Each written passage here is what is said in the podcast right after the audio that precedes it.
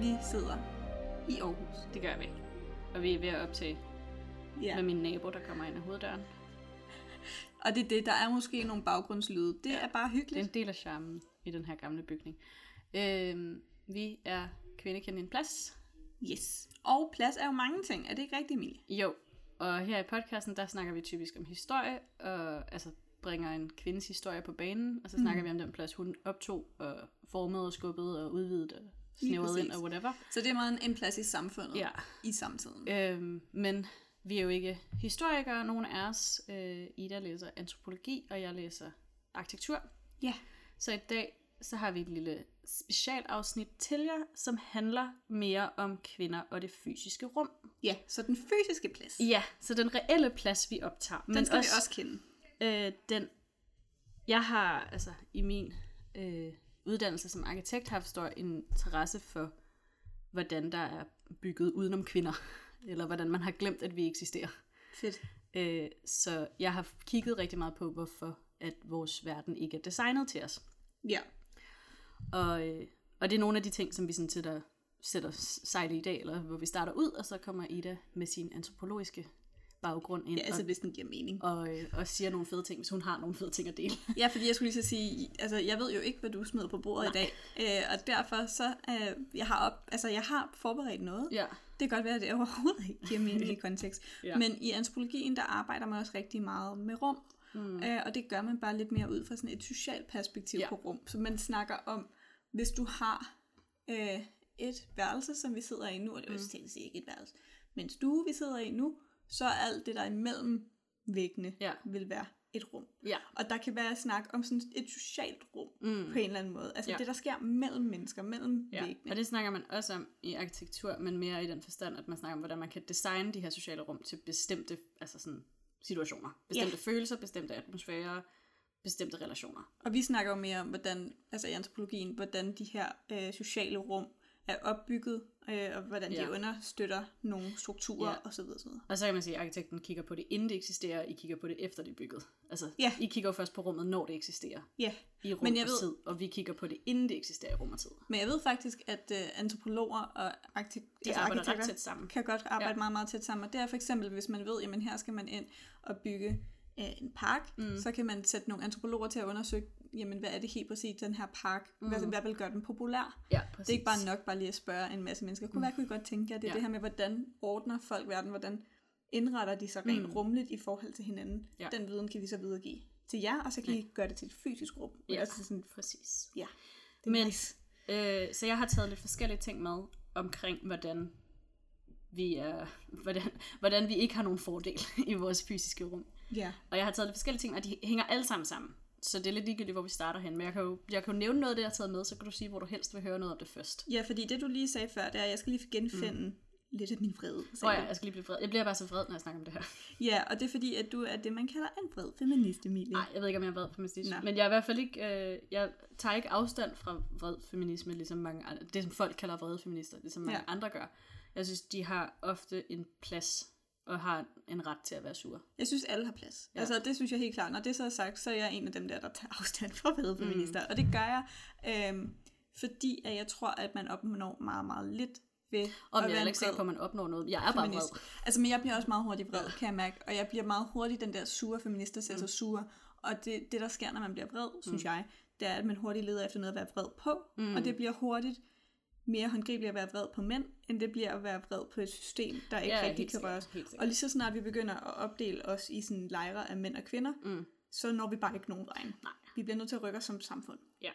Ja. Okay, så jeg har lidt forskellige ting, øhm, vi kan snakke om. Så nu vil jeg, jeg vil nævne nogle af emnerne, du kan ligesom komme ind på. Vi kan snakke om, hvorfor at offentlig transport Ja, ikke er designet til kvinder. Vi Vi kan snakke om, hvorfor øh, byer ikke er designet til kvinder.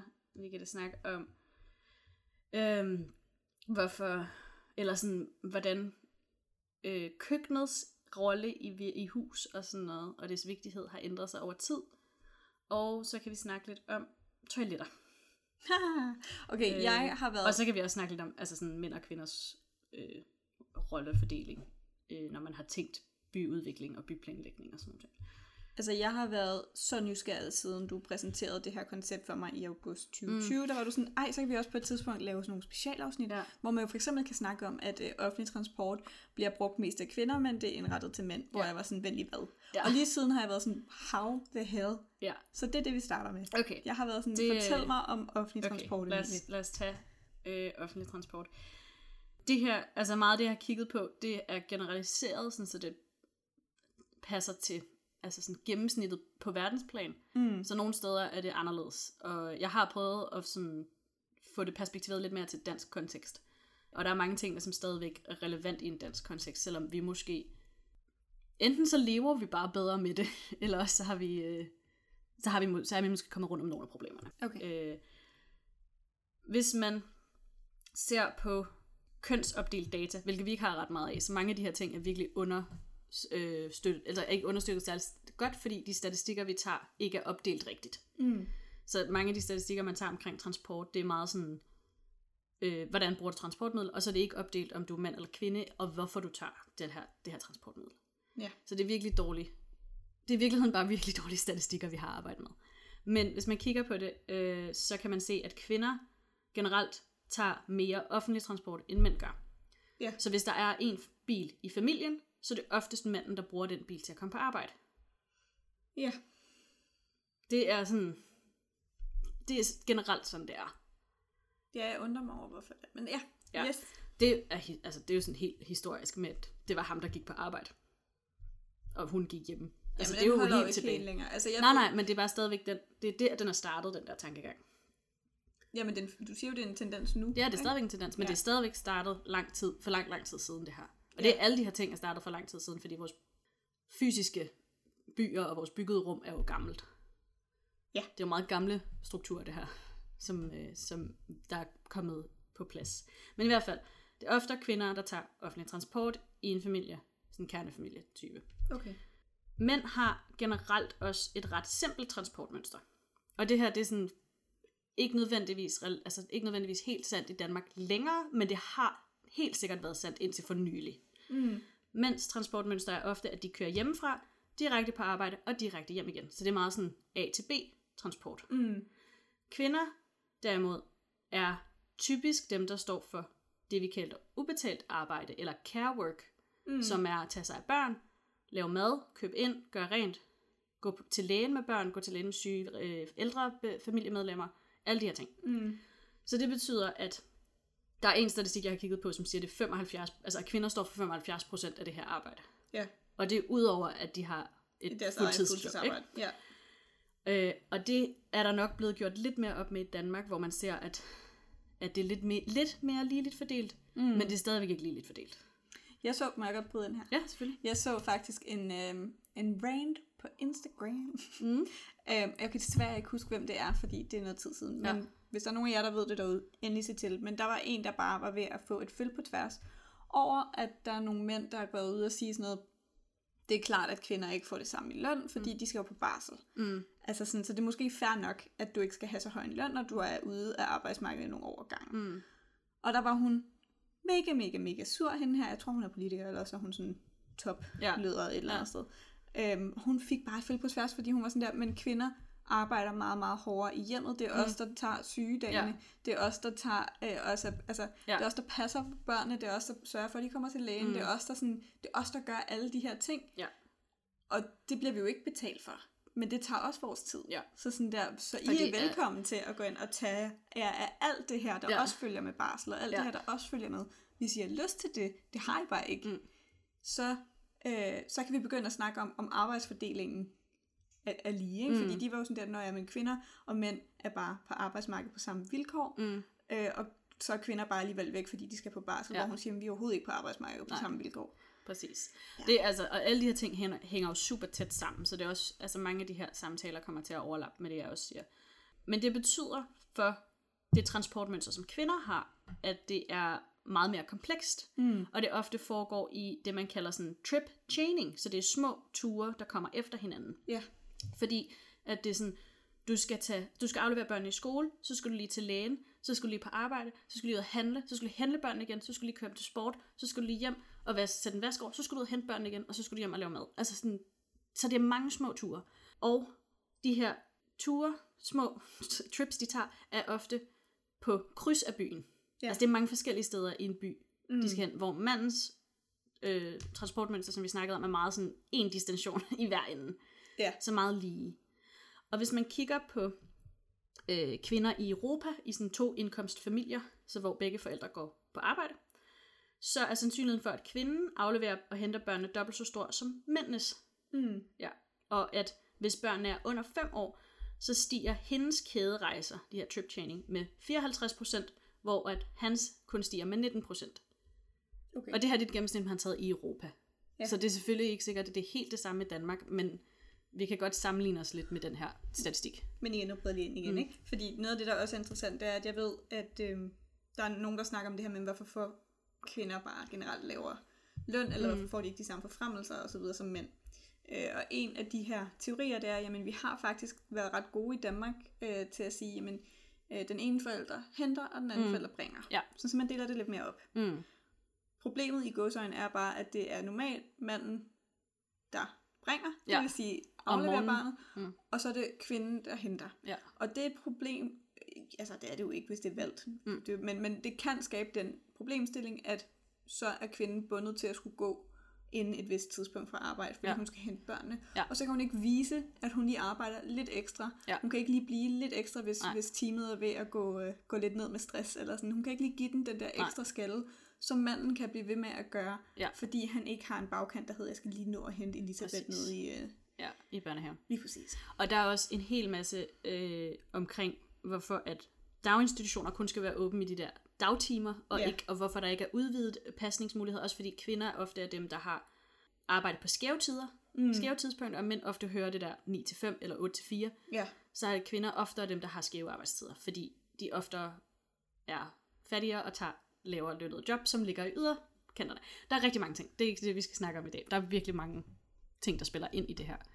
Men tilbage til transport. For nu har vi etableret, hvordan transportmønstrene er. Ja. Den måde, vi har organiseret vores byer på, er en radial organisering, typisk. Så det vil sige, at der er et centrum, og så er der nogle hovedveje, der ligesom kører ud til forstederne. Ja. Og i Danmark, der har, bruger vi, har vi jo brugt rigtig meget det, der hedder femfingersystemet, Ja, hvor du har fem fingre ud, og det har man blandt andet gjort for at få så meget grønt ind, hvilket er en rigtig fin idé, så mellem de fem fingre, så ligger der grønne kiler. Det er Men det der femfingersystem, det ligger ud for København. Ikke? Ja, altså det, jamen det er også på andre, altså det er også for Aarhus, men København okay. er bare et rigtig godt eksempel, for der kan du virkelig lægge hånden på, og så se, hvordan den er tegnet ud. Ja. Så det er et ret tydeligt eksempel. Men det er det samme koncept, der er i de fleste andre byer, at det er sådan et spindelvævssystem. Så du har et centrum, og så de her øh, hvad det hedder, store veje, der går ud af byen Ja. i et radialt system. Øhm, så er der det er både sådan, altså veje, men også offentlige transportruter, som primært ligger sådan her. Og så ligger der et par stykker cirkulært rundt om centrum. Vi har lige fået, i København har man lige fået metroringen. Ja. Den er jo lige kommet, men ellers har metroen jo også kun været altså en retning. Ja, det er rigtigt. Så den har passet ind i et mandligt transportsystem, men ikke i et kvindeligt transportsystem. Mm. Eller et transport sådan, øh, komplek, altså kompleksiteten, ikke? Okay. Øhm, det som så sker, er, at det her det er, super, det er en super effektiv måde at indrette byen på, hvis du pendler. Så hvis du kører ind om morgenen for at gå på arbejde og kører hjem igen om aftenen. Det er ikke specielt effektivt, hvis du skal på kryds af bydelene. Nej. Så det er virkelig let at komme ind til centrum og komme væk. Og det er sådan, som mænd typisk har rejst. Mm. Og det er rigtig svært at komme på, eller det er ikke svært, altså, men det tager bare længere tid at komme på kryds af de forskellige dele. Men her har jeg lige et spørgsmål, ikke? Ja.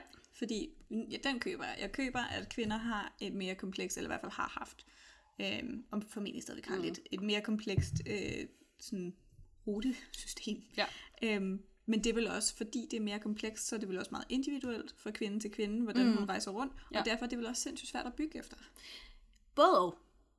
Fordi der er, altså sådan, det her, det stammer fra sådan en virkelig gammel planstrategi, hvor man laver zoner i byerne, så du kan ikke bo det samme sted, som du arbejder, og du kan ikke shoppe det samme sted, som du producerer. Nå, Øh, det er noget, man kalder zoning. Og det er sådan noget, der blev super populært sådan i 30'erne. Og sådan, industrialiseringen har også gjort det rigtig meget. Men sådan, da man begyndte at designe nye byer i 30'erne, og sådan, så var det virkelig det, man gik op i. Det var det her zoning. Og der er rigtig mange lov, altså i Danmark er det ikke helt lige så slemt, der er man begyndt at bryde op i den. Men zonelov betyder jo også, at du ikke kan mixe de her ting. mm. Så hvis der er et område, som er til øh, erhverv, så må du ikke bo der. okay. Det er du simpelthen ikke, det er du ikke ret. Altså, det er der en lov, den mod. Og man har lige lavet et, altså man har lige begået i gang med at udvikle en bydel her i Aarhus, der kun er til erhverv. Hvor jeg Altså industrikvarter. Ja, er det, sådan, du altså det er sådan nogle, ja, men det kan også være øh, finance, finansdistriktet i New York for eksempel, Okay, er et godt eksempel. Der må du, ikke- du må ikke bo i finansdistriktet. Du må kun arbejde i finansdistriktet. okay. Ja. Og det betyder, og det fungerer også super fint, hvis du igen har en bil, og har et stop på din vej. Ja, Så er det jo fint, at du kun har en destination, og du kun må være der til et formål. Ja. Men hvis du skal nå 12 forskellige ting den dag, og de er fordelt forskellige steder i byen, fordi de må ikke overlappe, så bruger du rigtig meget din dag på at transportere dig selv rundt. Ja. Og det går igen ind over al den tid, du så mister på det arbejde, du reelt kunne have gjort et andet sted. Ja. Er du med? Yes. Så langt. Yes. Det er også, øh, hvad det hedder, det betyder så, at man har indrettet de her altså, veje efter de her zoner også nogle gange. Mm. Og tog er svært at gøre noget ved. Det, det er svært ligesom at rette en toglinje. Sådan bare lige. Ja, det kunne jeg godt forestille Men mig. busser er ret nemme at rette. Ja, Og de kører stadigvæk efter, altså der kan du bare skifte, du kan flytte et, et stop, du kan bare skifte ruten, du kan bare sige sådan, du skal køre et andet sted hen. Fordi der er jo veje mellem alle de her steder, der bare infrastrukturen, Der er offentlig ikke- infrastruktur er ikke særlig god. men jeg vil så også sige, at de er rigtig gode til at ændre busplanerne rigtig ofte. Ja. Det er næsten Ja, ja, ja. faktisk. Men, de, men det er jo stadigvæk den samme rute, de tager mere eller mindre, så det er måske sådan tidspunktet, der ændrer sig. Nej, nej. Altså der, hvor jeg bor Ja, på Amager, okay. der, er de, der laver de tit det der med, så lægger- nedlægger de en linje, eller Ja. så omlægger de den Mm. linje, eller Ja. også så slår de den linje sammen med en anden linje, eller også så, Ja. den, så gik der en linje, der går Mm. til højre, nu går den til venstre. Altså, så de faktisk, Ja. i Danmark i hvert fald, gør de det i København. Ja.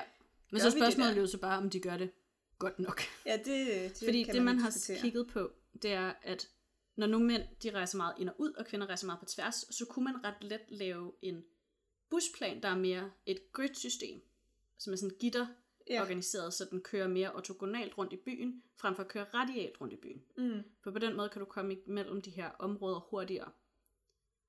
Jeg ved ikke, om du skal forklare, hvad de der regionale... Altså radialt ligner et spindelvæv, Ja. og gitter ligner et gitter. Jamen, du sagde og, og, og et eller andet ortogonalt eller sådan noget. Ortogonalt, det er bare, at det er retvinklet. Okay. Ja. Det er bare, sagde arkitekten. Med, Ej, det har man også lært i matematik. Ah, har man det? Det har, okay, jeg har lært det i matematik. Det er lang tid siden. Øh, men ortogonalt betyder, at det kører retvinklet på. Jeg tror, vi kaldte det øh, retvinklet Ja, i mat. ja, det er så fint. Mat B. Okay. Øhm, men de, hvis man nu lavede busruter, der gjorde det, så ville det gøre det lidt lettere at komme på kryds af de her forskellige områder. ja. Og Men det, det ikke turene gjort. lidt kortere. Og det har man ikke gjort alle steder. Jeg tror, at i Danmark, der er man ved at prøve at finde ud af, hvordan man skal lægge de der busruter, så det giver mest mening. Mm. Og så har man også øh, en ting, der tidligere har været et problem, var, at du skulle betale for en ny tur, hver gang du tog en ny bus. Og ofte skal du hoppe på ret mange busser for at komme igennem det her. Nå ja, men det er Men de i dag, der har de jo lavet det sådan, at nu kan du køre ret, altså på flere, flere busser på samme billet. Ja, til check in. Ja, præcis. Øhm, så det har ligesom hjulpet, også fordi kvinder jo som regel har mindre øh, købekapacitet. Så det har været dyrt for dem at tage flere busruter. Ja.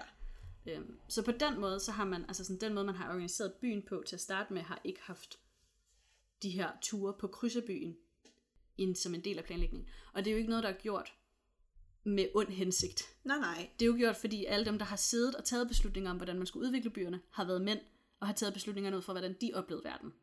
Ja. Så rigtig mange af de her beslutninger, rigtig mange af de her problematikker, som er i forhold til, hvordan vi designer, og også generelt, hvordan vores problemstil, øh, problemstillinger er, er jo, at dem, der har siddet med magten, ikke har været diverst nok. Men så er det jo også, altså i forhold til sådan offentlig transport og ja. togsystemer og sådan noget, så er det jo noget, der kommer rigtig meget frem, frem, rigtig meget frem i 1800-tallet. Ja, industrialiseringen har virkelig Lige gjort præcis, noget for det. noget med ja. jernbanen og Ja. alt det der, ikke? Og så kommer der, som du siger, Mm. der i 30'erne og sådan noget. Ja. På det tidspunkt var kvinder jo ikke på arbejdsmarkedet. Så der er det jo også Så fair det nok har at også- indrette ja. den efter mænd. Ja. Altså sådan, Øh, og så you. kan man sige, at jo, men altså, det, jeg, jeg, har også, jeg forstår fuldstændig godt, hvorfor det er sket. Jeg Ja. synes bare, det er interessant at se på, at nogle gange, når vi synes, det hele er så hårdt, Ja. så er det også fordi, at der er ikke, altså, alting er designet imod os. Ja. Og når du siger alting, hvad er det Nej, næste, der alting er ikke, designet men der er mange ting, der er designet mod os. Og jeg har kun taget en meget lille håndfuld med ting, der er designet mod os. Hvordan Øhm, er toiletter designet mod os? Det, Det kan vi komme til. Øh, eller det skal nok komme til lige om lidt. Jeg vil bare lige runde af med her at sige, det er også et spørgsmål om, at man i dag ikke samler data ind, der snakker om, hvor forskellige, altså hele den her idé om ligestilling kommer ja. jo også ud fra et punkt om, at vi godt er klar over, at vi ikke er de samme, og vi godt er klar over, at vi ikke bruger de samme ressourcer på de samme ting. Men hvis vi ikke samler information ind om, hvad vi så gør, som er adskilt i køn, mm. så kan vi jo aldrig finde ud af, hvordan vi skal indrette tingene bedre. Så du er en af dem, der tror på, at der er en biologisk forskel på mænd og kvinder? Altså, der er en biologisk forskel. Jeg er, på godt, mænd og jeg er godt klar over, at, Ja. at vi har nogle Men der er forskellige- forskel på mænd og kvinder, og det er vigtigt at anerkende forskellen på mænd og kvinder, for at kunne finde ud af, hvordan vi kan udligne den forskel. Ja, men for eksempel altså i antropologien, der er jo meget diskuteret om, hvor meget forskel der egentlig er på mænd og kvinder, og hvor meget af det, der er socialt konstrueret. Om det er egentlig for mig set ligegyldigt, om det er biologisk eller socialt konstrueret. Vi bliver bare nødt til at samle data, der deler det op. den, Vi ja. bliver nødt til at kortlægge den data, vi har, og vi bliver nødt til at dele den data, vi indsamler op mellem mænd og kvinder. Ja, okay. Fordi ellers så kan vi ikke finde ud af, hvis vi blander det hele sammen, så finder vi aldrig ud af, om mænd og kvinder rejser anderledes, altså om de transporterer sig selv rundt forskelligt. Jeg tror også lige, at jeg sådan lige, lige bliver nødt til at sige det, Ja. ja. når jeg siger, at der er biologisk forskel på mænd og kvinder, Ja. ja. siger, at det, er det det, du snakker om her, så er det, der er jo nogen, der snakker om, jamen, mænds hjerne er sådan her, og Nå, kvinders ja. hjerne er sådan her. Det gør, at mænd tænker sådan Ja. her, og kvinder tænker sådan Ja, ja. her. Og der er rigtig, rigtig mange antropologer, der er sådan, det er ikke fordi, vi siger, nej, nej, sådan er det ikke, men Mm. vi er også bare sådan, men for eksempel, for eksempel et rigtig godt eksempel ja. øh, på det her, det er, at øh, hvordan, okay, du kan starte med meget, lige, meget kort, Mm. beskrive for mig, hvordan bliver et æg befrugtet. Altså med en, Med en sædcelle. sædcelle og Ja, et ægcelle, der ja. ja. Beskriv lige- fusionerer. Ja, beskriv lige den proces, bedre. Hvordan, altså sådan, at fus- den fusionerer, så bliver det, så deler, så bliver det en celle, og så deler den sig, og så deler den sig, og deler sig, deler sig, deler sig, deler sig. Deler den sig? Ja, cellen. Altså når du bliver, når du, når det Nå, ægget bliver befrugtet, Ja, så okay. deler det sig helt, altså indtil der kommer en baby ud af det. Okay, det var ikke helt det, jeg var Nå. ude efter. Men der er sådan en meget klar fortælling om, at der er en sædcelle, Mm. og der er et æg. Ja. Og så står ægget stille, Nå, og så skal den penetrere det der. og så løber sædcellerne ja. hen for at komme ind igennem. komme hen til ægget først ja. muligt. Og det er bare sådan en ret interessant måde at se på det på, fordi mm. virkeligheden er nok sådan snarere, at ægget bevæger sig lige så aktivt hen Mm. mod sædcellen, Ja, eller sædcellerne, Ja. som sædcellen bevæger sig aktivt hen mod ægget. Ja. Og bare det, at vi har sådan biologisk i forestilling om, at ægget er passivt, det er fordi, vi har en, en øh, kulturel tilskrivning til kvindekønnet, som mm. er mere passivt, Ja. og mænd er som de her sådan, kriger, der skal ud og overvinde verden. Ja. Ikke? Øh, så det er bare interessant, at, at, at selv noget, vi tror Ja, er ja. videnskabeligt, er faktisk mere Ja. komplekst. Altså, Og vi sådan- projekterer vores kulturelle forskel Ja. Men jeg er også mere sådan i forhold til, altså jeg er egentlig ligeglad med, om der er forskel på mænd og kvinder. Ja, ja. Vi bliver bare nødt til at samle data ind, så vi kan se, om der er forskel på mænd og kvinder. Ja. Og det bliver vi nødt til at gøre på alle, alle ting, vi undersøger med data. Mm. Det bliver vi nødt til at dele det op, fordi der er tydeligvis forskel på, hvordan vi opfører os, og om de er so- øh, sociale, eller kulturelle, eller biologiske, eller om det er fordi, at vi bare er endt i en dårlig cirkel. Ja, Det er sådan set lige meget. Vi bliver bare nødt til at, at, at kortlægge dem for at kunne se, hvad problemet er. Men det er jo også en sindssygt svær ting at gøre, tænker jeg, fordi det er jo ikke bare mænd og kvinder. Der er jo også alle mulige andre køn derude, hvor man er sådan, altså transkønnet Oh, men- og, og, så videre. Og derudover så er der jo også sådan, jamen, det er en meget forskellig verden at være kvinde, altså hvid kvinde, Mm. som det er at være øh, Ja, altså sort kvinde, mm. eller asiatisk kvinde, Ja. eller altså sådan, og, og homoseksuel sort kvinde. Altså, Mm. der er bare, det er jo mange virkeligheder, så det er jo Helt svært vildt. bare lige at sige, men det er, også vigtigt, det er også derfor, det er vigtigt at have så stor en diversitet i øh, beslutnings, altså tagende organer. ja, Fordi du kan kun repræsentere din egen oplevelse. ja, Altså, du kan ikke vide, hvordan nogen andre oplever verden. Nej. Du kan høre så mange testimonies fra dem som muligt, men du kan ikke få en rigtig indsigt i, hvordan det er at leve den, altså med den oplevelse af verden, medmindre du selv har den. Så derfor skal vi bare sørge for, at det er diverst. Ja, altså jeg ved ikke, om jeg er helt enig med det ud fra et antropologisk perspektiv. Antropologer lever af at finde ud af, hvad andres menneskers verdenssyn er. Altså, Jo, jo, men du kan jo godt, du kan videre, godt finde ud men- af, hvad deres, hvad deres verdens... De kan jo godt fortælle dig, hvordan de oplever det, men du vil jo aldrig vide, hvordan det føles at opleve det. Fordi du kommer aldrig til at kunne opleve det. For det er ikke din virkelighed. Ja. Så du kommer aldrig til at kunne opleve, hvordan det er at være sort kvinde i et racistisk øh, land. For du kommer aldrig til at være sort kvinde. Det er rigtigt nok. Men du kan godt høre, hvor forfærdeligt det er for sorte kvinder, og få en forståelse for det. Men du kan stadigvæk ikke sige, sådan her er det at være sort kvinde, for det kan du ikke vide, for du er det ikke. Nej, det er rigtigt nok. Så det er jeg mener med, at vi bliver nødt til at have dem repræsenteret, som vi gerne vil dække ind Ja, i beslutningsorganer. men ja, og der, er det jo, der, der kan jeg jo des- ikke altså gøre sådan- det, fordi at der er nogle meget fysiske markører, der gør, at jeg aldrig nogensinde kan blive Præcis. accepteret. Men jeg vil godt kunne måske undersøge, hvordan er det at være kvinde i New York. Ja, Altså, hvor Jo, man er jo. sådan der, det vil jeg godt kunne, Ja. selvom jeg ikke er en og man kan jo også sige, at bare at dele det op i køn er en start, så kan vi jo finde ud af, okay, så kan vi jo prøve at sige, skulle vi prøve at dele det op i etnicitet også, og så se, Ja. om det har en forskel. Og seksualitet. Og så kunne vi muligt. okay, skal vi dele det op i sex? Seksualitet er måske relevant i forhold til, hvor meget hvor meget sådan verbalt overfaldet du føler dig på offentlig trans- i offentlig transport. Mm. Det er også en kæmpe ting, man, hvor sikker man føler sig i offentlig transport. Ja. Føler du dig sikker i offentlig transport? Ikke altid. Hvornår føler du dig usikker i offentlig transport? Øh, det er nok mindre i selve transportmidlet. Jeg føler mig tit usikker på, På stationerne, ja. Øh, og det er, også det, man, girl. det er også det, man øh, ser i forskellige statistikker omkring det. Det er ofte på stationer eller på vej til stationer og busstoppesteder. Det er der, man føler sig mest udsat. Ja. Øh, og der er også mange, altså det kan du også gøre, ret let gøre noget ved. Men igen, vi har ikke nogen data, der bakker det op, så det er rigtig svært at få beslutning, altså få politikere og dem, der tager beslutningerne til at gøre noget ved det, hvis du ikke har dataen til at vise dem, at der er et problem. Hvordan vil du gøre noget ved det? Nu siger du, det kan man ret let gøre noget ved. Altså for eksempel busstoppesteder, der kan spørgsmålet, om du føler dig sikker eller usikker være, at du skal rykke det 100 meter længere ned ad gaden, for så ligger det over for en beværtning, og så er der nogen, der hele tiden kommer ind og ud, så er der hele tiden liv lige omkring det. Det kan være Nå. et spørgsmål om, at du sørger for, at vejen derhen er belyst. ja, det er jo Altså rigtigt. det er jo sådan nogle helt vildt små ting, du skal gøre, for at du kan ændre oplevelsen helt vildt for den person, der føler sig usikker. Men det kræver, at vi ved, at det sker. Ja. Jeg tager nogle gange sådan en bus, ikke? Det er så der, hvor jeg nogle gange kan få lidt nøje på. Mm. Jeg tager nogle gange en bus, som ingen mennesker tager, åbenbart. Mm. Så jeg er den eneste, der sidder i den der Ja, bus. det er også lidt ubehageligt. Øh, og, det er sådan, og, og det er ikke fordi, jeg har noget imod buschauffører. Buschauffører er søde mm. mennesker. Men nogle gange tænker jeg sådan lidt, hvad vil der ske, især hvis det er sådan på ydertidspunkter Ja. af døgnet. Hvad vil der ske, hvis den her buschauffør vælger nu at køre væk med mig Ja. i bussen? Altså, han eller hun, for det meste mm. er det en han, jeg bliver lidt Ja. nervøs for, kunne jo i princippet godt bare Ja, være sådan, det tænker jeg nu også tit. kører vi ikke til endestationen, nu Ja. kører vi ud vil bare på midten af en mark, og så Ja. låser jeg busdørene, så Ja. du kan ikke komme ud, Ja. og så kan jeg bare torturere dig og voldtage Ja, ja. dig. Og sådan, altså, Så har jeg det jeg- også med taxa. jeg skal måske begynde at lytte lidt mindre til sådan nogle uh, krimi-podcasts. Ja. Jeg ved det godt. Men, Men, det, sådan, altså, det, og taxaer, ja tak, kan Ja. vi også lige snakke om, hvor taxa er også mega ubehageligt. uhyggelige de er at sætte sig ind i. Øhm, så der er virkelig mange ting, og det er ret, der er mange ting, som er ret let at løse, men du kan ikke løse dem, før du ved, at problemet er der. Ja, Sådan er det jo. Men det var sådan lidt det, vi havde om offentlig transport. okay. Så øh, vi kan, jeg kan godt fortælle dig, hvorfor, øh, hvorfor toiletter er, øh, hvad det, ikke er lige. Jamen, det vil jeg gerne have om to sekunder. Men jeg Ja. synes faktisk, det er virkelig interessant, det der med, at jeg ved, jeg ved, at jeg ikke er den eneste kvinde. Jeg tager rigtig meget offentlig transport. Jeg har Mm. sådan et ungdomskort, så jeg kan bare rejse alle vejen. Og det gør jeg så også. Ja. Så jeg rejser rigtig, rigtig meget med offentlig transport. Mm.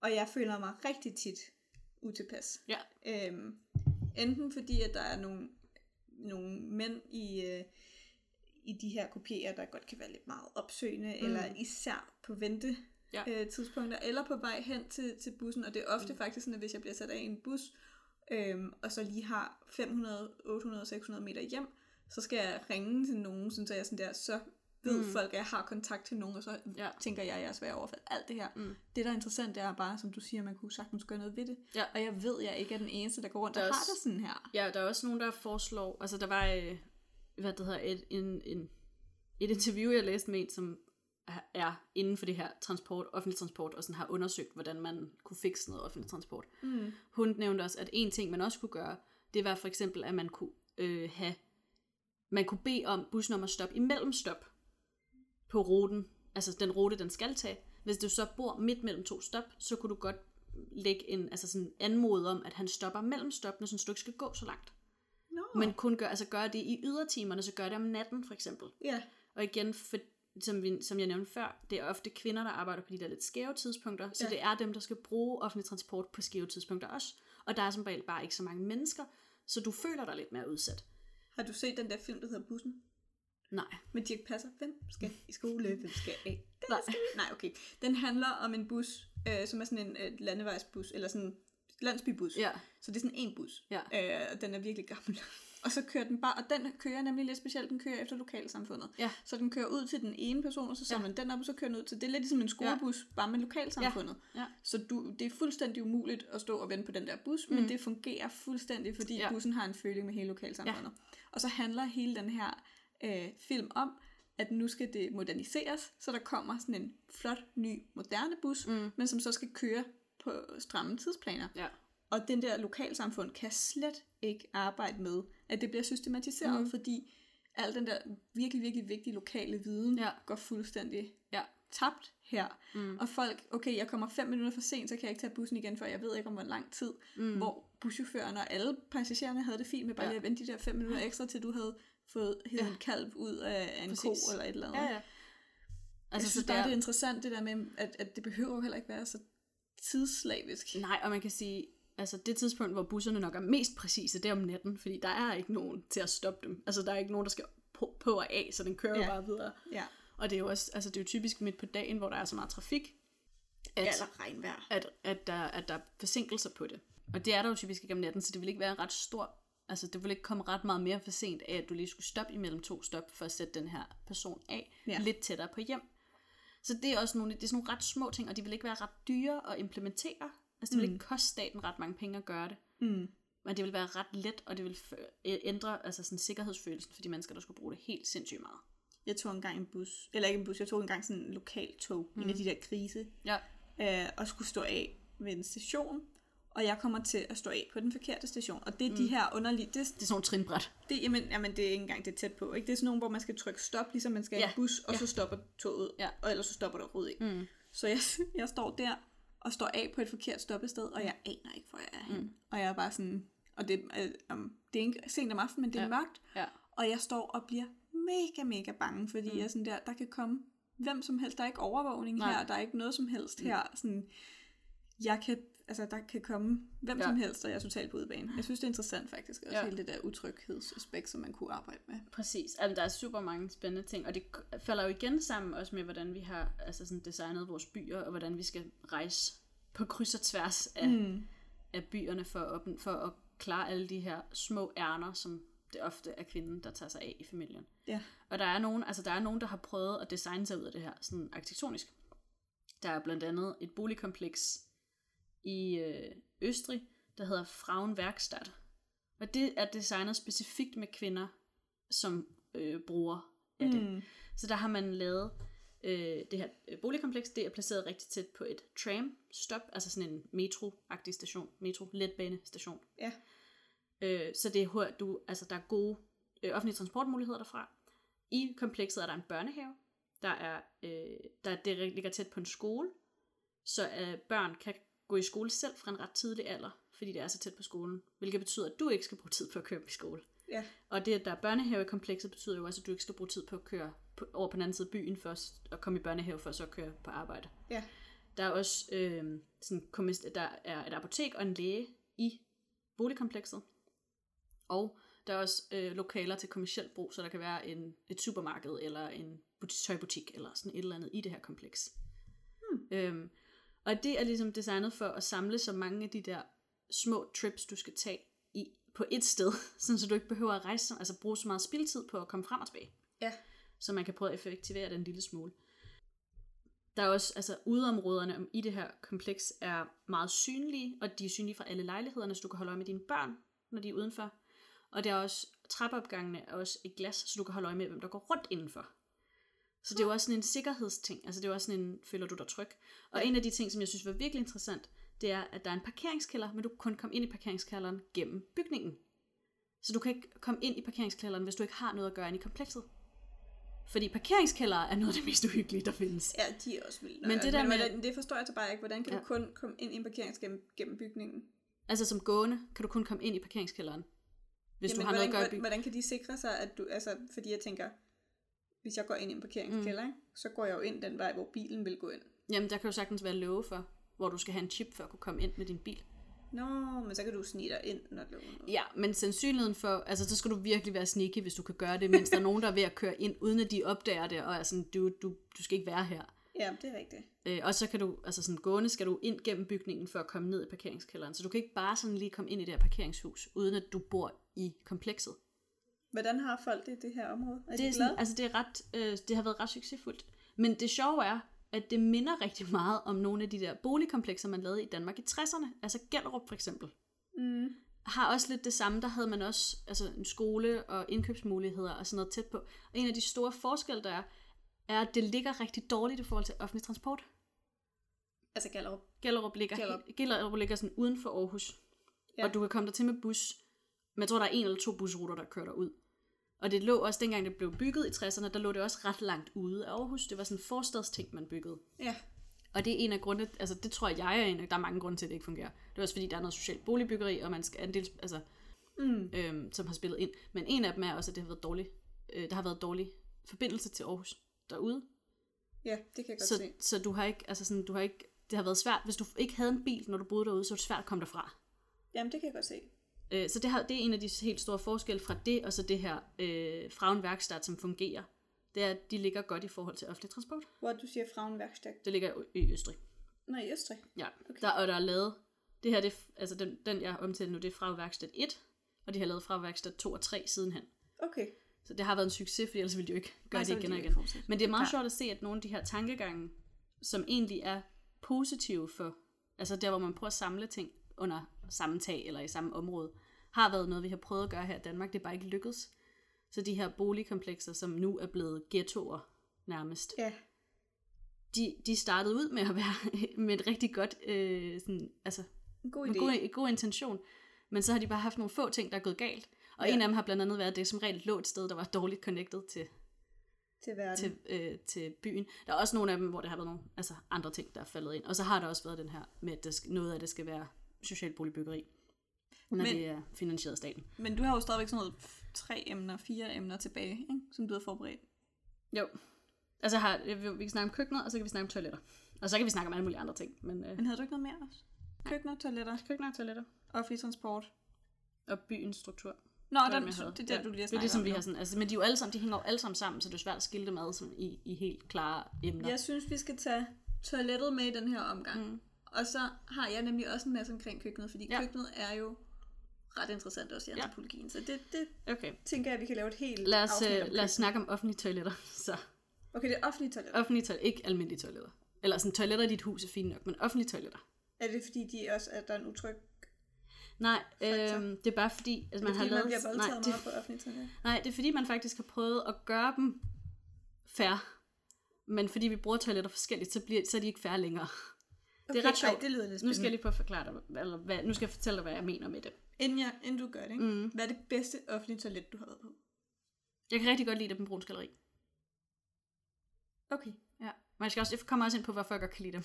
Jeg synes faktisk også, at dem, der er ved Nørreport station, Ja, jeg har ikke været, øh, efter de har bygget den op. Der har ikke Nej. været på toilettet på Nørreport station. men det synes jeg faktisk, det er et ret, in- altså det er ikke ret interessant. Mm. Det er ikke fordi, du får dit livs oplevelse af at gå på toilettet der. Det siger jeg med det samme. Ja. Men, sådan, men det er faktisk meget... Øh...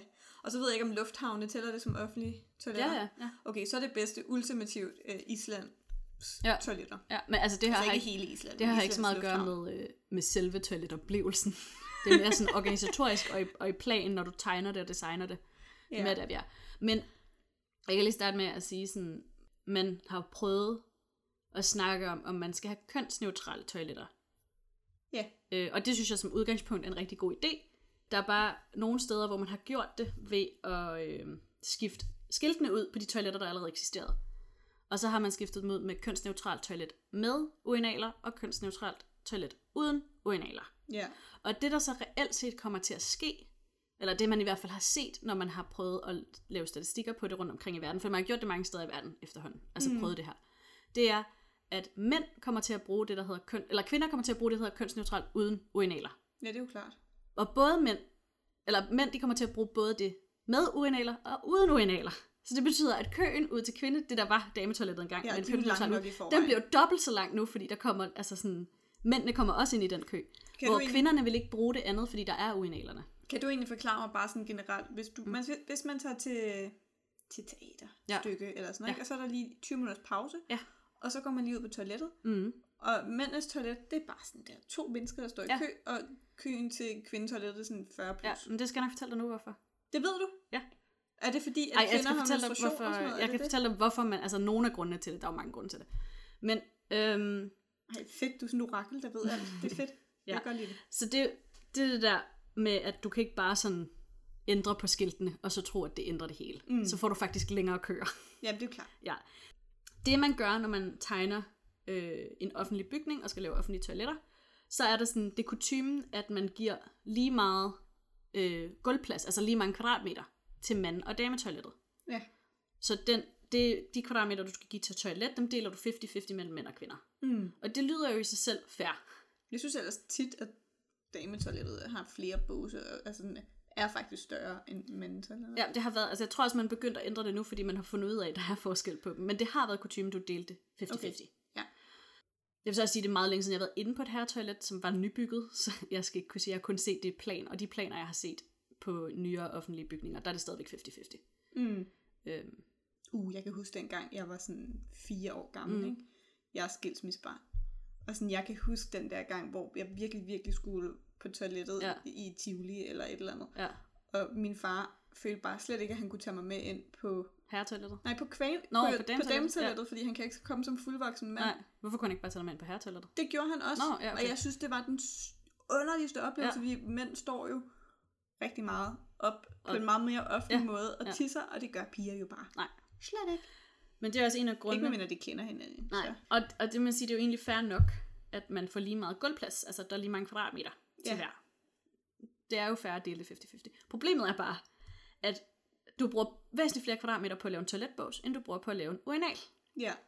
Så det betyder, at selvom der er samme fod, altså sådan fod, hvad hedder sådan, fodaftryk, hvis, ligesom der er samme kvadratmeter, så kan der komme mange flere mænd igennem, når der er urinaler, fordi de kan have flere af dem stående til samtidig, end der kan være af kvinder på samme kvadratmeter. Okay, det giver mening.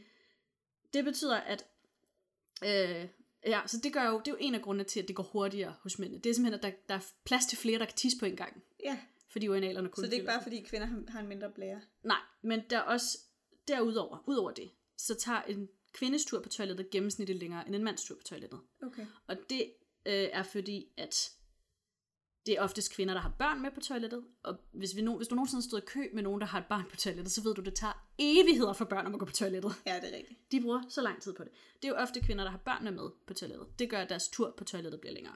Det er også oftest, kvi- eller andelen af kvinder, der er handicappede eller ældre, er højere end andelen, der er mænd. Nå. Og det tror jeg har noget at gøre med, at mænd ikke går til lægen. Så de dør tidligere. Okay. ja, det er også en, Det jeg godt godt lide, Generalisering. jeg kan godt lide din det er en generalisering. Men, men andelen af handicappede ældre, øh, den er, altså det er kvinder, der er flere kvinder i den gruppering, end der er mænd. Mm. Og de bruger også længere tid på toilettet.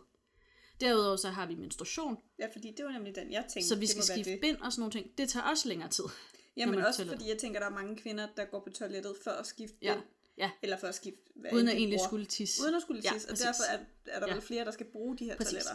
Og den sidste ting er, at kvinder også ofte har urinvejsproblemer, eller sådan issues, og det kan godt være, at det, er- altså det er for eksempel, at de har urinvejsinfektioner, men det kan også være graviditeter, som gør, at du skal tisse oftere.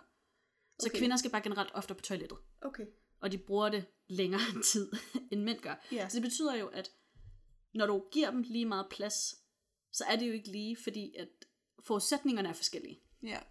Så i virkeligheden ville det være mere fair, hvis man tildelte færre kvadratmeter til mænd og flere kvadratmeter til kvinder, hvis de skal være kønsopdelt.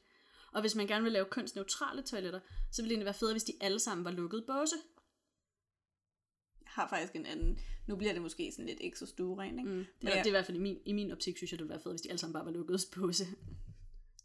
Men for eksempel, altså jeg ved, at kvinder er, har også oftere mavetarmproblemer. Ja.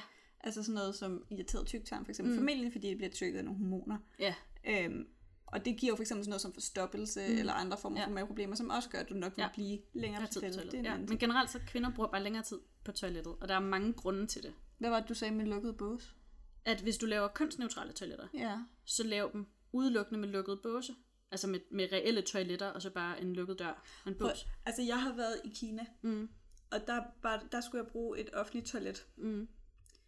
Og det var ikke den eneste, så skulle jeg være ude og rejse med sådan en gruppe Ja. af mennesker, og vi skulle alle sammen på toilettet. Og der var offentlige toiletter, og der var, de har sådan, de har ikke toiletter, som vi har. De Nej. har sådan nogle squat-toiletter, hvor det er sådan huller i jorden. Ja. Men sådan, der, der er lavet med porcelæn og sådan Ja, noget. ja, Det, det er ja. meningen. Og det var en virkelig speciel oplevelse. Jeg tror ikke engang, det var, var det opdelt efter køn? Det var det nok. Men der var ikke nogen døre. Mm. Så der gik du bare ind. Ja, og så er der på hook. Ja, Ja. og der var jeg også bare sådan, jeg savner en dør. Mm. Altså sådan, også fordi, at der var, jeg, igen, jeg er lys i huden, har blå øjne, og relativt lyst hår, og ligner bare på ingen måde en kineser. Mm-hmm. Og de der kineser, de elsker bare, når man Mm. ikke især ligner en kineser. Ja. Især fordi mange af dem måske ikke rejser særlig meget, og ikke Ja. ser. Altså, så vi er, sådan, Mm. vi er sådan lidt en sensation. Ja. Så hver gang jeg skulle på toilettet på sådan nogle typer toiletter, mm. så er der sådan folk, der står udenfor og bare kigger Ja. ind på mig. Sådan, Ja. wow. Præcis. Jeg synes, det var lidt meget. Så jeg er helt med på, at vi laver en dør. Ja, Fordi altså man kunne også bare lade være med at lave døre på alle toiletter, men det er også bare sådan lidt underligt. Hvorfor vil du lade være med at lave døre på alle toiletterne? Ligesom man ikke har sådan, altså, når man laver de der u- u- Urinaler? ja, Ja. der er der jo ikke noget, der adskiller. Nå, nej, nej, men i stedet for at have, altså have urinalerne overhovedet, Fordi det gør, at mange kvinder føler sig usikre ved at gå derind Ja, og bruge de toiletter. inklusive mig, da jeg var fire Ja. år. Præcis. Men hvis du nu, og der kunne forestille mig, at der er også nogle mænd, der føler sig usikre ved at bruge dem, hvis der går kvinder rundt derinde. Tror du det? Det kunne jeg forestille mig. Jeg tror, at mænd har lige så svært ved at, altså de, de er lige så blufærdige som vi er. Er de det? Det Fordi, tror jeg. Er de det? Ja. Fordi jeg har altså set rigtig, rigtig, rigtig mange mænd, Ja. der bare lige stopper på vejen. Nå, stop på gaden og sige så. Ja, Ja. ja. enten på gaden eller sådan på vejen, hvor de holder mm. ind til Ja. siden, og så står de ude i en eller anden vejkant, ja. hvor jeg bare sådan, okay, mm. hvis jeg havde været mig, mm. så havde jeg lige fundet en busk, Ja. eller et træ, mm. eller et, altså de Ja. ja. bare sådan, åh, oh, Mark, her står Ja. jeg. Ja, ja. Altså sådan, er de blevet mere befærdige? Men altså, jeg tror bare, du kun ser en meget lille procentdel af mænd, der skal gå på toilettet, når du ser dem derude. Så jeg vil da gætte, der er der også nogle kvinder, der bare kan sætte sig hvilket som helst sted på en hvilken som helst mark og lige altså, klare den. Det er rent nok også sådan, Så- en, en, efter en tur i byen. Ja, præcis. det er også sådan relativt Så jeg, normalt, jeg, tror, jeg, tror, det, jeg, tror, øh, jeg tror stadigvæk, at altså, jeg tror, begge halvdele vil have det ubehageligt. Altså, der- der er personer fra begge halvdele, fra begge køn, der vil finde det ubehageligt at skulle dele det, når det er så eksponeret, som en urinal er. Men jeg tror bare, at hvis man gerne vil lave de der kønsneutrale toiletter, så bare lave båse og brug almindelige toiletter, ligesom folk har derhjemme. Og så er alle båsene bare sådan, Altså, øh, helt enig. Så det er ikke Ja. så meget det, og det er det, man har gjort op, og det er det, man har gjort op i Bruns Galeri. Derfor så godt kan lide det. Fordi det er et unisex toilet, men alle, altså det er bare, det er sådan nogle små rum, altså båse, det er sådan muret, muret op. Det er ikke bare de der sådan, Ja, okay. øh, hvad det hedder, USA's, øh, eller amerik- amerikansk high school toiletbåse, man kender. Nej. Det er sådan, de er muret op med en dør, der kan lukke, og sådan, der er ikke nogen, du kan ikke komme ind under eller ovenover, eller Ja. sådan noget. Øh, men det er sådan en toilet, der er der, der er det helt, og så er der bare, så deler man vasken selvfølgelig, når du Men- kommer ud. Og det synes jeg bare er så fint. Men hvis vi lige går lidt tilbage til det der med, er, det, er, det, er mænd lige så blufærdige Mm. som kvinder? Det synes jeg er interessant, fordi det har jeg virkelig et oprigtigt indtryk af, at de ikke Mm. er. Jeg tror heller ikke, det er lige så skamfuldt. Nej, men de er heller ikke blevet mand- skammet ud over deres krop på samme måde, som kvinder er. Men det er det, altså hvis, Ja. man, hvis man bare kigger rundt, ikke? Altså sådan, Mm. du kan finde fallers symboler. Ja, ja. Graveret Ja. ind med graffiti Mm. alle mulige steder. Altså Ja. sådan, det er bare en ting, Men derfor så tror er. jeg stadigvæk, det at tisse altså sådan, er, er- en person meget privat ting at gøre. Jamen, jeg altså, tror ikke, det, sådan- er så, det der med at blotte sig, tror jeg ikke på Nej, samme det tror jeg, men, men derfor samme- kunne det altså- stadigvæk godt, altså derfor tror jeg stadigvæk ikke nødvendigvis alle mennesker. Der er jo også en uskreven regel mellem mænd om, at man ikke må stå ved siden af hinanden, når man bruger en urinal. Altså der skal Ja. være en tom urinal mellem folk. Ja, Og det har jo også noget at gøre med, at du skal ikke være for tæt på mig, når jeg står i den her situation, hvor jeg har min, min penis ude. Og, men det altså tror du ikke har noget at gøre med sådan lidt homofobi? Jo, det tror jeg også, det har. At det er sådan noget, der er med at kigge, Jo, jo. fordi hvad hvis nu du godt kan lide det? Ja. Men derfor kunne jeg bare forestille mig, at det er også lidt af det samme. Altså sådan, Jeg Hvis bortset fra, at jeg tror, at mænd godt vil have, at du godt kan lide. Men nu bevæger jeg mig også ud i nogle sindssyge stereotyper. Ja. Jeg kan godt mærke det. det gør du. Men, Ja. ja. men, men, altså, og det, men min, mit indtryk er bare, at mænd, de mænd, jeg kender, Ja. har ikke haft noget problem med at være sådan, åh, oh, jeg skal virkelig, virkelig tisse. Ja. Jeg går bare lige hen over i hjørnet, Mm. mm. og de bevæger sig ikke super langt væk fra Mm. mm. det selskab, de sidder med til sådan en Nej. havefest, eller sådan, altså, Men de forventer heller ikke, at du går hen ved siden af og kigger.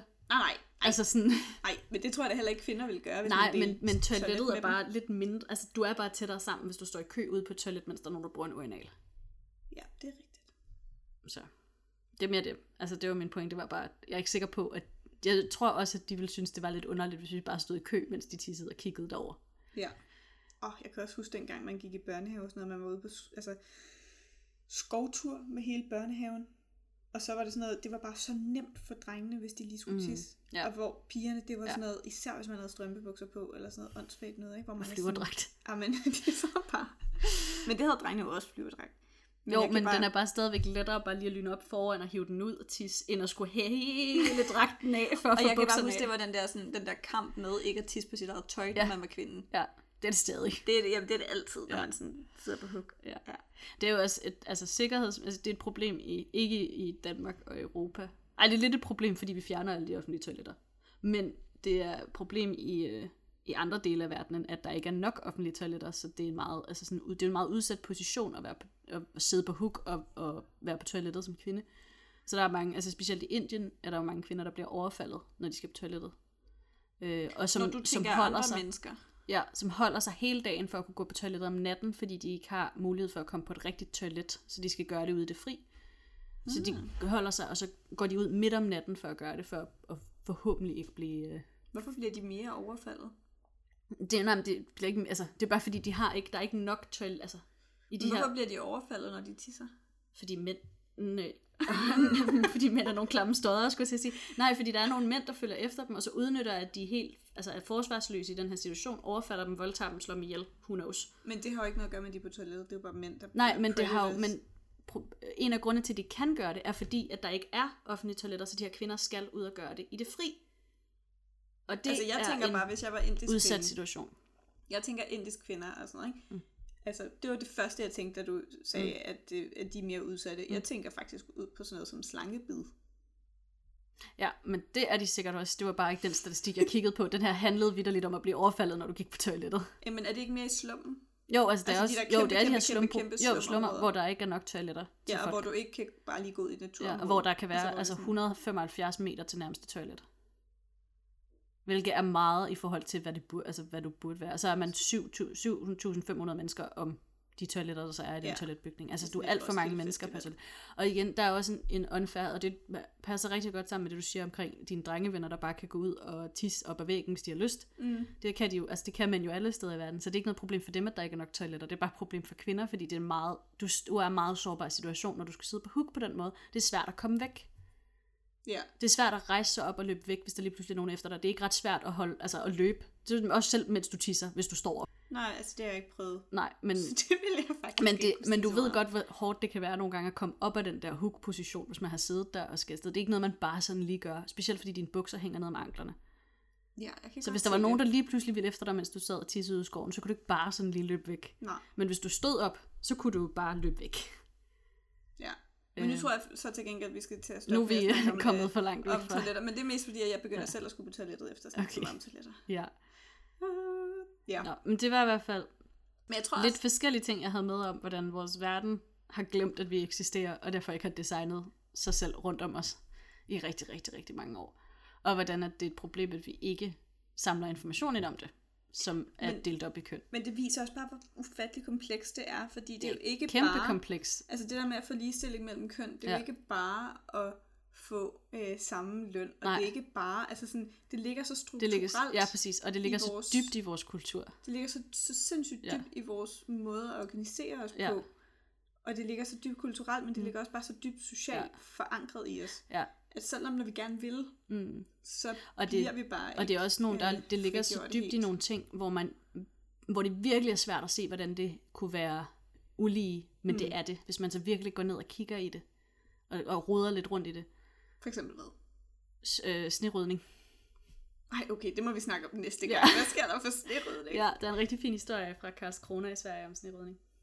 Okay, det skal vi så meget høre Okay, næste gang. Altså, jeg, vi, tænker, jeg øh, tænker mere sådan noget med, jeg har ikke diskuteret så meget med både min kæreste, med mine drengevenner og sådan noget, det her med, at øhm, det godt kan være ret udsat at være kvinde i byen. Mm. Hvor de er sådan, ej, øh, hallo, drenge bliver også hele tiden ravet på af kvinder.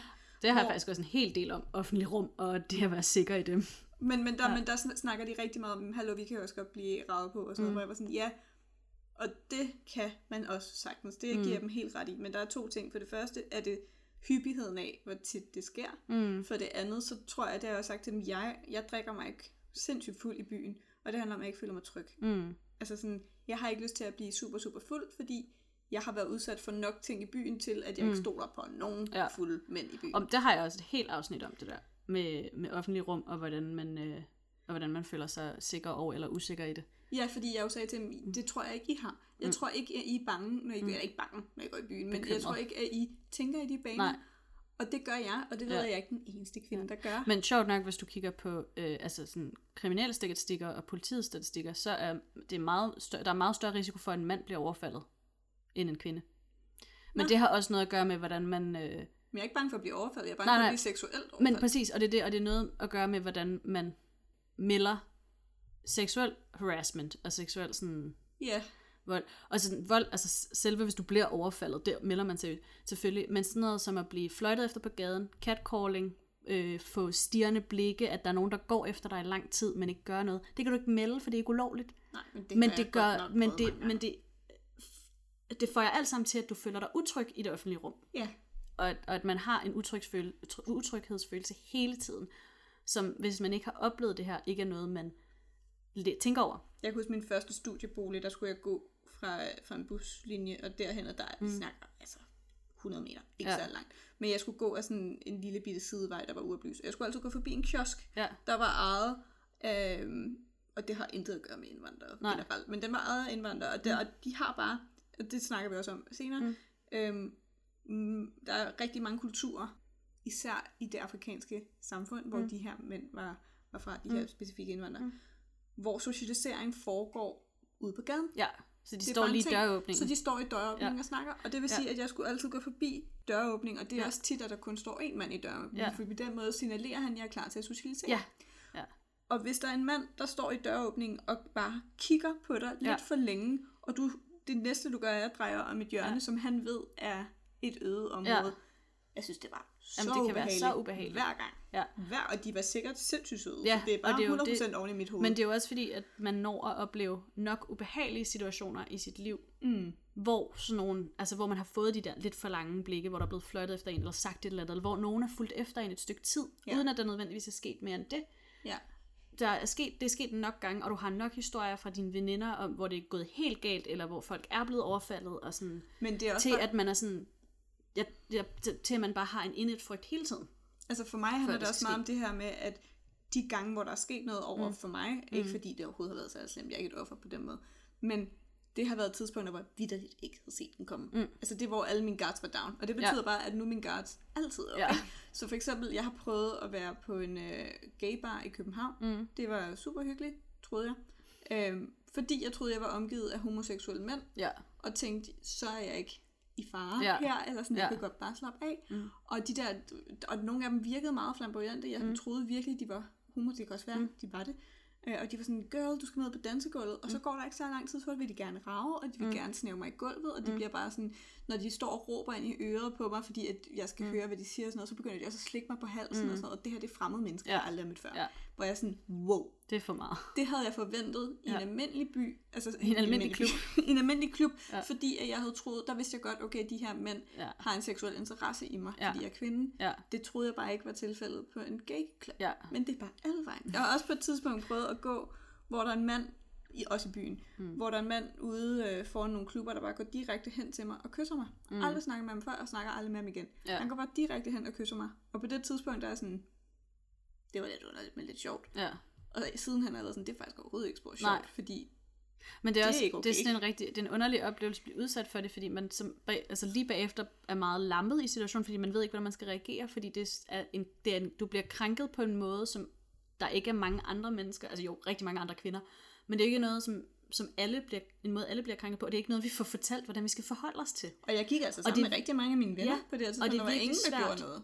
Ja, men det er også, og det tror jeg også, der er mange mennesker, som også altså sådan, bliver chokeret over situationen, hvis de står ved siden af, og heller ikke ved, hvordan de skal Ja. reagere.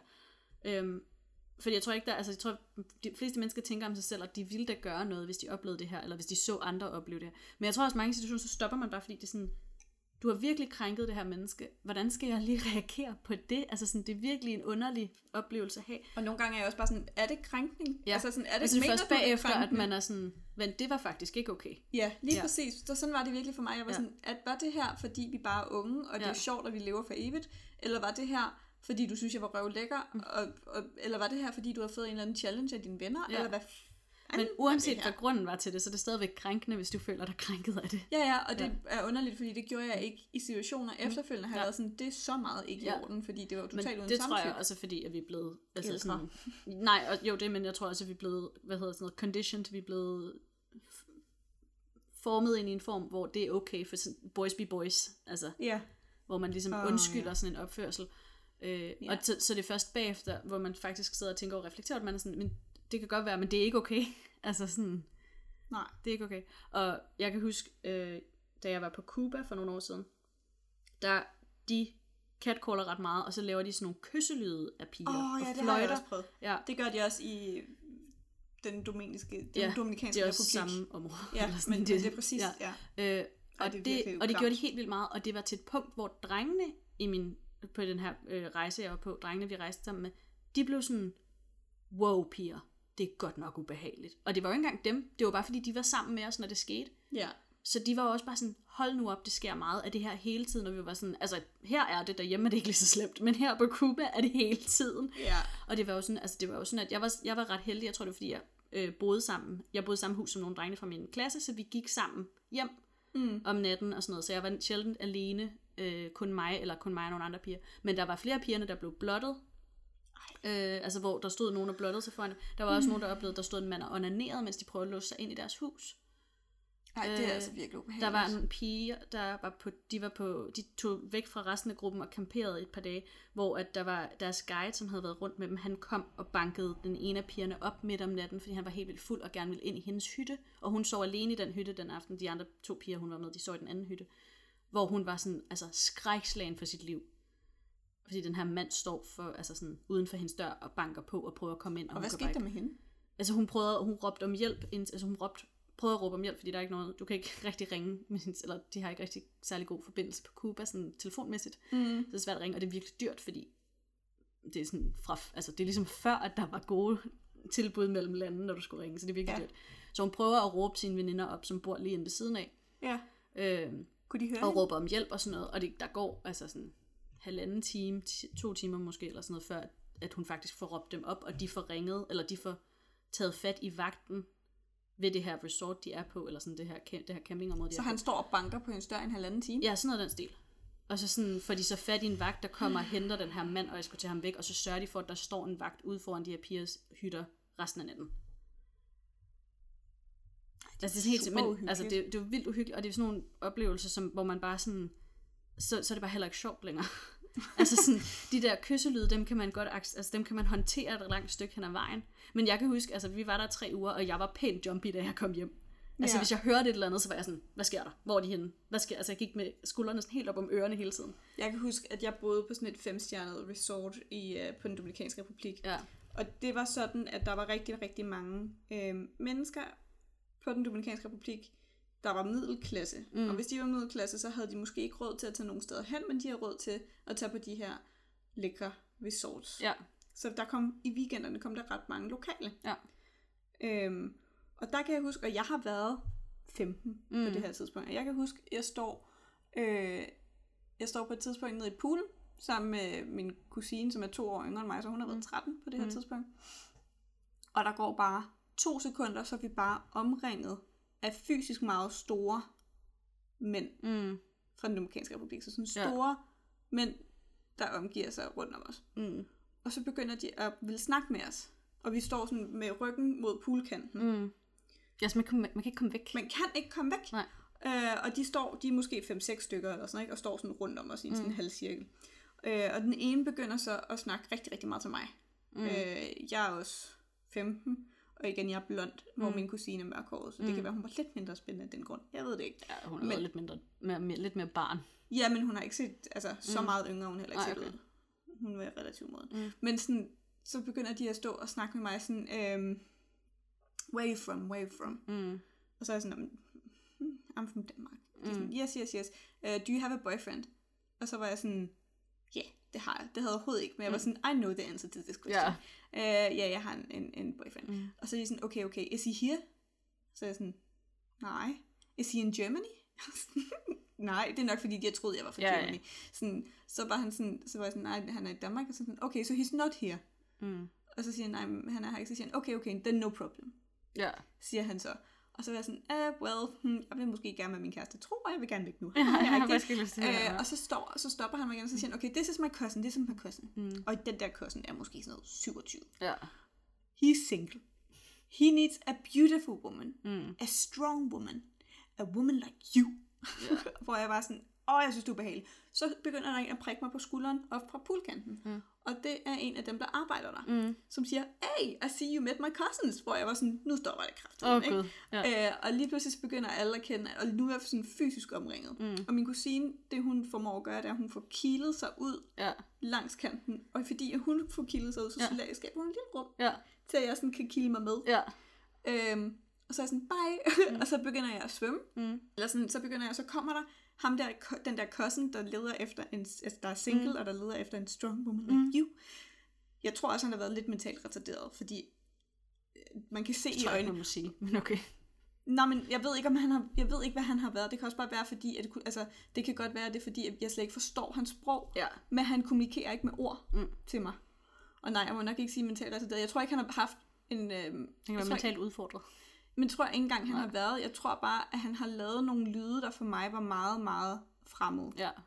øh, og som ikke er ord. Det er ikke, Mm. fordi jeg siger, at jeg ikke forstår Ja. et, et sprog, men sådan... Øh, Ja. Og han er bare kæmpestor. Altså, han er dobbelt min højde, dobbelt min bredde. Mm. Ja. Han er kæmpe, kæmpe stor. Ikke tyk, bare stor. Mm. Og han svømmer efter mig.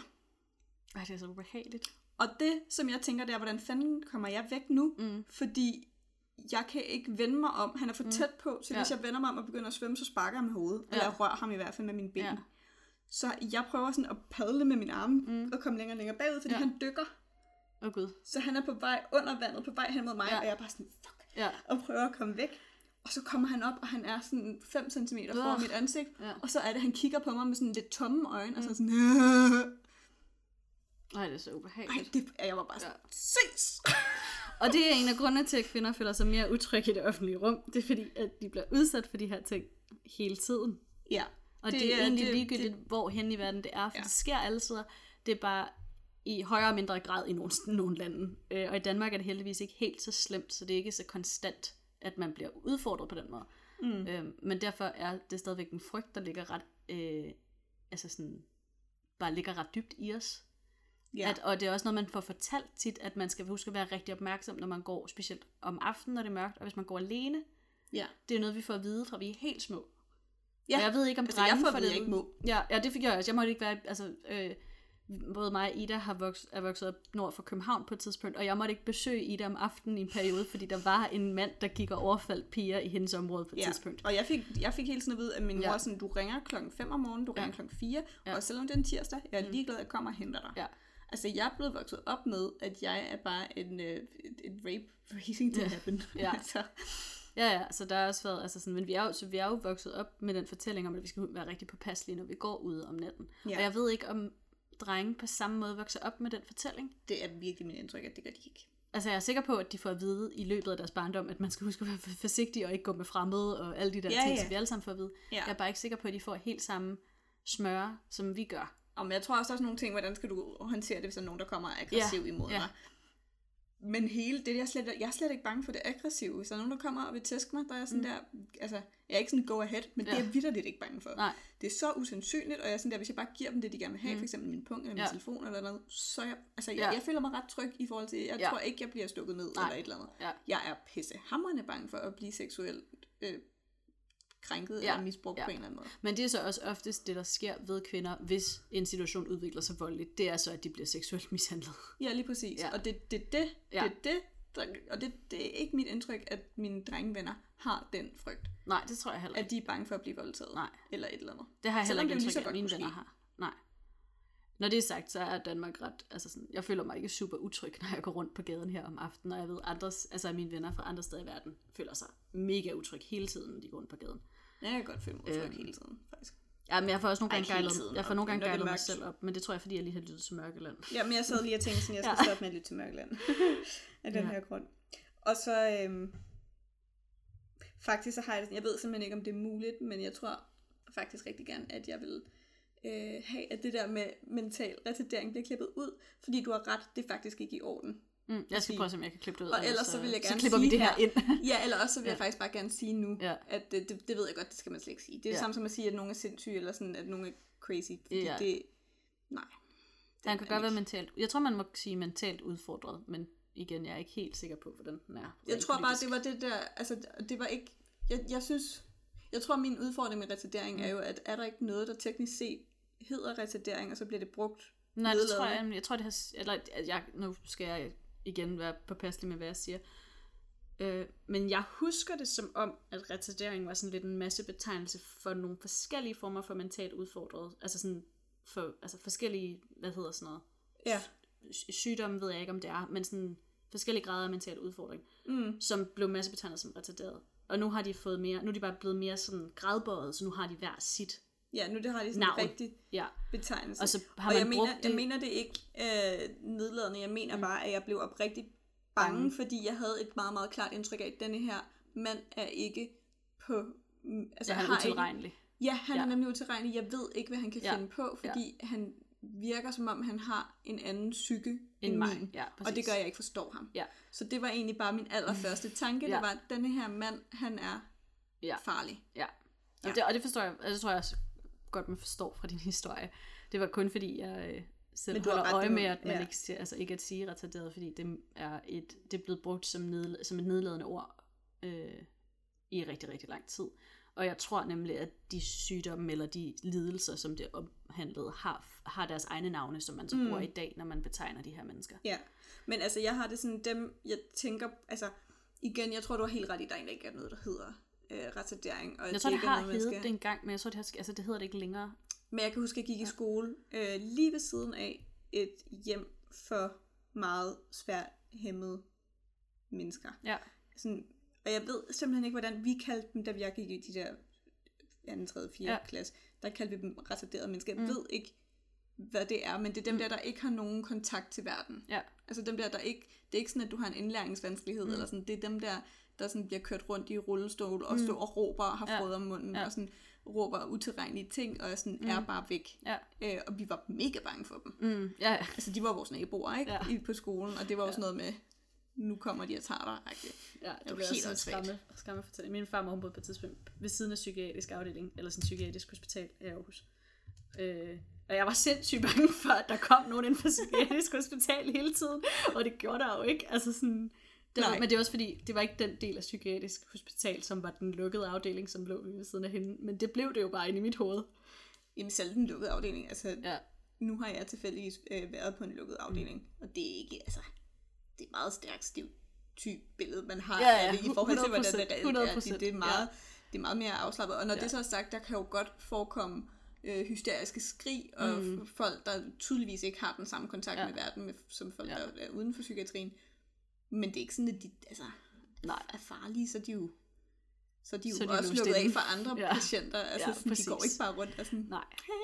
og og øh, jeg tror egentlig også, eller mit indtryk er, at hvis man er på lukket afdeling, så er det mere for ens egen sikkerhed, end for alle vores andres sikkerhed.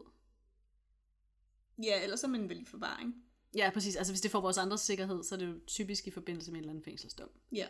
Øh, Men, men det var ikke det, altså de her men det er også slet ikke det, vi snakkede Nej, om. men de her mennesker, jeg snakkede om her, det, Ja. eller sådan, det, var, det, er ikke, det er ikke folk, der er psykisk udfordret, det er folk, der har en eller anden form for udviklingshæmmende tilstand, der Ja. gør, at, at de har brug for Mm. care 24-7. Ja. Og jeg fik bare en meget, meget klar association Mm. til ham, Ja. fordi han kommunikerede på sådan en virkelig utilregnet ja. måde, ja. ikke? hvor jeg var sådan, Ja. samtidig med, at jeg ved godt, hvad det er, han kommer for. Han, Ja. han vil have en anden form for fysisk kontakt Ja. med mig. Ja, Så ubehageligt. Ubehagelig situation, du har været ude for. Det vil jeg sige. Ja. God, I love it. To Nå. be woman. Det var godt nok øh, et, et, et afsnit, der kom vidt omkring og har rørt mange forskellige ting. Næste I gang øh, tager vi alle retninger. snevrydning og køkkener. Ja, lad os gøre det. Vi, øh, der kommer nok et, øh, ja, et specialafsnit mere her, der også handler lidt om kvinder og rum, og kvinder og det offentlige rum specielt, Og det sociale rum. og det sociale rum, Yes. fordi er der vores ekspertiser måske ligger øh, Mere end... øh, mere end selve historien. Men vi synes, historie er spændende, så det er derfor, vi hiver kvinderne frem på den måde også. Ja. Så øh, hvis du har nogle fede inputs, eller har nogle holdninger, du gerne vil komme med, Ja, og jeg kan godt mærke, Så- at jeg kommer til at få mange hug, hvis... Øh... lad være med at hugge Ida ned for at sige retarderet. Det gjorde hun ikke med vilje. Nu har Nej. vi været inde over Ja, den. jeg har, jeg har undskyld. Nu har vi undskyld. Jeg har faktisk ikke jeg mener ja. ja. undskyldning. Vi er, vi er klar over, at det var ikke det rigtige at ikke sige, okay. og vi har rettet i det. Så den behøver I selvfølgelig ikke at kommentere på. Men hvis I har andre ting at kommentere på, hvis I er uenige med os, eller enige med os, eller bare har øh, noget at tilføje til diskussionen, Så er vi at finde inde på KKDP Podcast inde på Instagram, eller på Kvinde Kend Din Plads i Historien på Facebook. yes. Og så vil vi gerne øh, sig tak. Sig tak, fordi I gad at lytte med. Og thank you, thank you. Øh, så ses vi bare igen en gang. Det gør vi. Hej.